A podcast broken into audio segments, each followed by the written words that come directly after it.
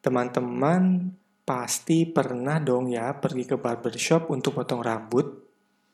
Atau mungkin teman-teman pernah meminta bantuan dari teman kalian untuk membuat logo atau desain. Bahkan mungkin kalian pernah mencoba menggunakan jasa konsultan website atau jasa pembuatan website. Nah, ternyata kalian sebenarnya sudah bersentuhan dengan UMKM di bidang jasa. Mau tahu lebih lanjut? Yuk kita dengerin episode 7 Pejuang Kebaikan Podcast Motivasi Bisnis.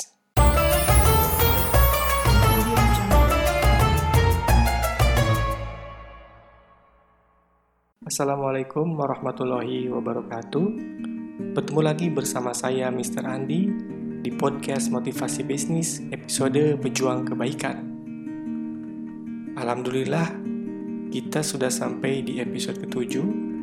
Hari ini kita akan coba ngobrol mengenai UMKM dalam bidang jasa. Setelah kemarin kita ngobrolin mengenai UMKM barang. Sekarang kita coba untuk lebih berfokus kepada UMKM di bidang jasa. Teman-teman semua, UMKM di bidang jasa ini sangat bervariatif, sangat banyak macamnya. Mungkin sebagian besar teman-teman pasti sudah tahu, pernah merasakan atau bahkan menjadi pelaku UMKM bidang jasa ini. Sebut saja barbershop. Siapa yang tidak pernah ke barbershop untuk laki-laki pada khususnya ya. Kemudian jasa desain bisa desain logo ataupun desain website. Bisa juga les privat atau menjahit servis kendaraan bermotor. Bengkel contohnya. Konsultan bisnis. Ada juga daycare. Bisa travel guide. Bisa sewa kos-kosan. Bisa cuci motor. Dan banyak lagi bidang jasa yang bisa dikembangkan oleh teman-teman semua. Saya kebetulan juga seneng bikin desain, kemudian bekerja sama dengan teman untuk pembuatan website. Nah, dari situ ternyata lumayan. Ada aja orang yang membutuhkan jasa tersebut. Kemudian dulu orang tua saya juga punya bengkel, servis mobil. Kemudian kakak saya juga pernah buka bengkel mobil. Jadi bisnis atau MKM jasa ini paling tidak pernah bersentuhan, pernah menjadi pelaku, yang meskipun belum maksimal karena memang belum tersistem dengan benar. Nanti akan kita coba telusuri kenapa hal ini bisa terjadi ya. UMKM bidang jasa ini, teman-teman, mempunyai kelebihan dibanding dengan UMKM produk yang kemarin ya. Setidaknya ada tiga kelebihan. Yang pertama, lebih mudah. Kemudian, tidak perlu modal banyak. Yang ketiga, sesuai dengan passion kalian. Kenapa lebih mudah coba? Lebih mudah karena jasa ini bisa langsung kita lakukan. Contohnya kalau kalian suka atau bisa jasa desain, ya bisa langsung kan tawar ke teman-teman. Lebih mudah, tidak banyak birokrasi, tidak banyak persiapan. Karena berlanjut lagi sesuai dengan passion kalian. Dan tidak perlu modal besar. Nah ini juga penting bagi UMKM. Jadi jasa ini lebih fleksibel, lebih fluid, dan lebih cost efisien kalau menurut saya. Namun, tentu saja ada tantangan-tantangan yang dihadapi oleh UMKM. Bukan hanya di bidang jasa, tapi UMKM bidang barang pun mempunyai berbagai hambatan, tantangan yang harus dihadapi. Gejala umum atau tantangan umum bagi UMKM adalah di bidang modal minimnya modal dari para pelaku UMKM ini.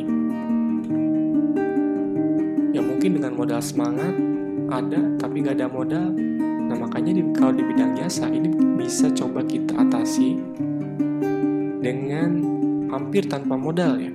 Hanya dengan gadget kita bisa coba untuk promosi, kita punya kemampuan, kita punya keahlian, kalau rezekinya kan bisa ada yang nyangkut jadi hampir tanpa modal jasa ini makanya disebut lebih mudah. Kemudian tantangannya selain modal adalah distribusi yang tidak tepat. Kebanyakan UMKM berfokus pada produk, berfokus gimana untuk produknya mempunyai kualitas bagus. Kadang lupa untuk jalur marketing distribusinya seperti apa. Nah, ini juga perlu diperhatikan ya. Kemudian biasanya UMKM itu kurang efisien dalam mengelola keuangan. Kadang masih bercampur antara keuangan pribadi dan keuangan bisnis. Nah ini pun harus segera diatasi, harus segera dibenerin supaya bisa lebih profesional. Kemudian belum memaksimalkan marketing online, sosial media, SEO, website, kemudian bisa juga memaksimalkan e-commerce itu benar-benar didik, dieksplor oleh pelaku UMKM. Mana yang paling tepat, mana yang paling cocok dengan bidang usahanya. Dan yang terakhir adalah Kebanyakan UMKM tidak memiliki izin, belum memiliki izin. Di sini juga perlu pemahaman dan mungkin harus ada informasi dari pemerintah yang lebih memudahkan UMKM itu dalam mendapatkan izin. Nah, kalau di Depok sudah mulai nih dari pihak RT RW itu memberikan informasi gimana untuk mendapatkan izin usaha. Nah ini menurut saya adalah langkah yang bagus bisa sampai ke grassroots RT RW ya. Namun tahukah teman-teman bahwa UMKM itu potensinya luar biasa. Kemarin saya sempat singgung di episode 6. Sebagai contoh di 2018 itu ada sekitar 58,97 juta orang pelaku UMKM. Kemudian UMKM juga menyerap banyak tenaga kerja. Ini penting apalagi di masa pandemi. Dengan kita menciptakan lapangan kerja, maka kita juga berarti membantu pemerintah dalam proses mengentaskan kemiskinan dan mengurangi pengangguran dan UMKM mempunyai peranan yang penting di sini. Kemudian UMKM juga meningkatkan produk domestik bruto. Jadi berperan sangat luar biasa pada perekonomian nasional. Kita sebagai warga negara Indonesia harus terlecut untuk bergerak memaksimalkan potensi yang ada dalam diri kalian dan bergerak di bidang UMKM ini. Menjadi mandiri secara finansial, secara pekerjaan. Ada pepatah mengatakan lebih baik menjadi kepala kucing daripada ekor harimau. Seperti itu ya. Khusus untuk umat Islam, ingatlah bahwa Nabi Muhammad itu adalah seorang entrepreneur yang luar biasa umur 12 tahun, beliau sudah melakukan perjalanan dagang ke Syam.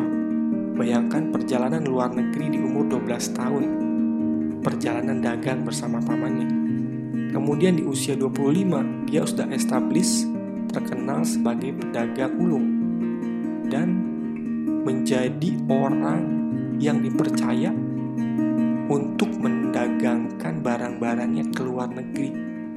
Jadi sisi entrepreneur dari Nabi Muhammad ini harus kita tiru, harus kita kembangkan sehingga kita mempunyai role model yang bisa kita tiru dan bisa kita coba caranya bagaimana beliau bisa menjadi seorang entrepreneur yang sukses luar biasa. Oke teman-teman, itu sharing saya mengenai UMKM di bidang jasa. Semoga ada manfaatnya dan sampai bertemu lagi di podcast Motivasi Bisnis episode selanjutnya. Wassalamualaikum warahmatullahi wabarakatuh. Mr. Andi, peace out.